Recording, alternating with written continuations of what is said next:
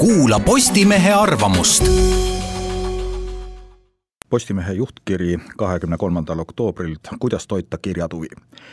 mõistagi ei taha poliitikud valimiste eel olla sunnitud selgitama asju, mida nende oponendid võivad tõlgendada leebemal juhul hulga kaaskodanike hülgamisena, karmimas sõnastuses aga Eesti riigile selja pööramisena kuigi Konkurentsiamet andis Eesti Postile oktoobri keskel loa sulgeda põhimõtteliselt iga neljas postiasutus, tõmmati nüüd sellele valdkonnaministri kaasabil hoogsalt pidurit. probleem pole poppides paki- ega kullerteenustes, lihtsustatult on murelaps vana hea paberkiri ehk universaalne postiteenus, mille osutamise tegevusluba on kaks tuhat neliteist kuni kaks tuhat üheksateist Eesti Posti valduses.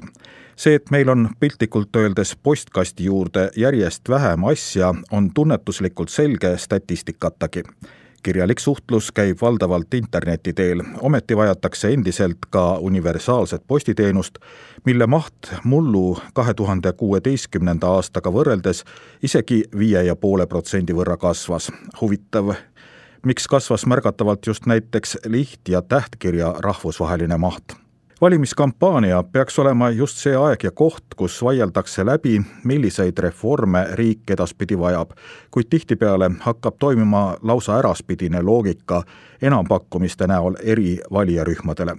samasse kilda kipub kuuluma küsimus, milline peaks Eestis olema optimaalne postivõrgustik ja kuidas universaalset postiteenust rahastada muidugi ei tohi perioodika ja kirjade kojukande kvaliteet kannatada, sest seda teenust vajatakse, ent praegune olukord, kohati ebamõistlik, kohati lausa jabur, peab saama optimaalse kestliku lahenduse, mitte poliitilise kingituse valimispäevaks teenuse hinna mõistlikuna hoidmiseks on loodud näiteks universaalse postiteenuse fond, kuhu Eesti Post makseid teeb ning saab sealt ise rahahüvitistena tagasi.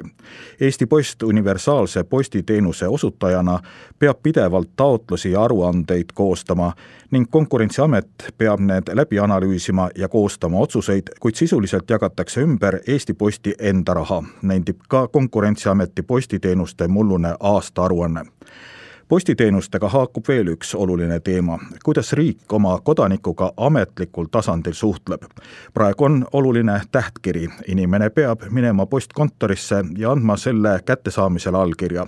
see on kulukas, aeglane ja paljuski praeguseks aegunud viis septembri lõpus tegi Siseministeeriumi korrakaitse- ja kriminaalpoliitika osakonna juhataja Veiko Kommusaar Postimehe arvamusküljel ettepaneku viia õigusruumi digitaalse asukoha mõiste.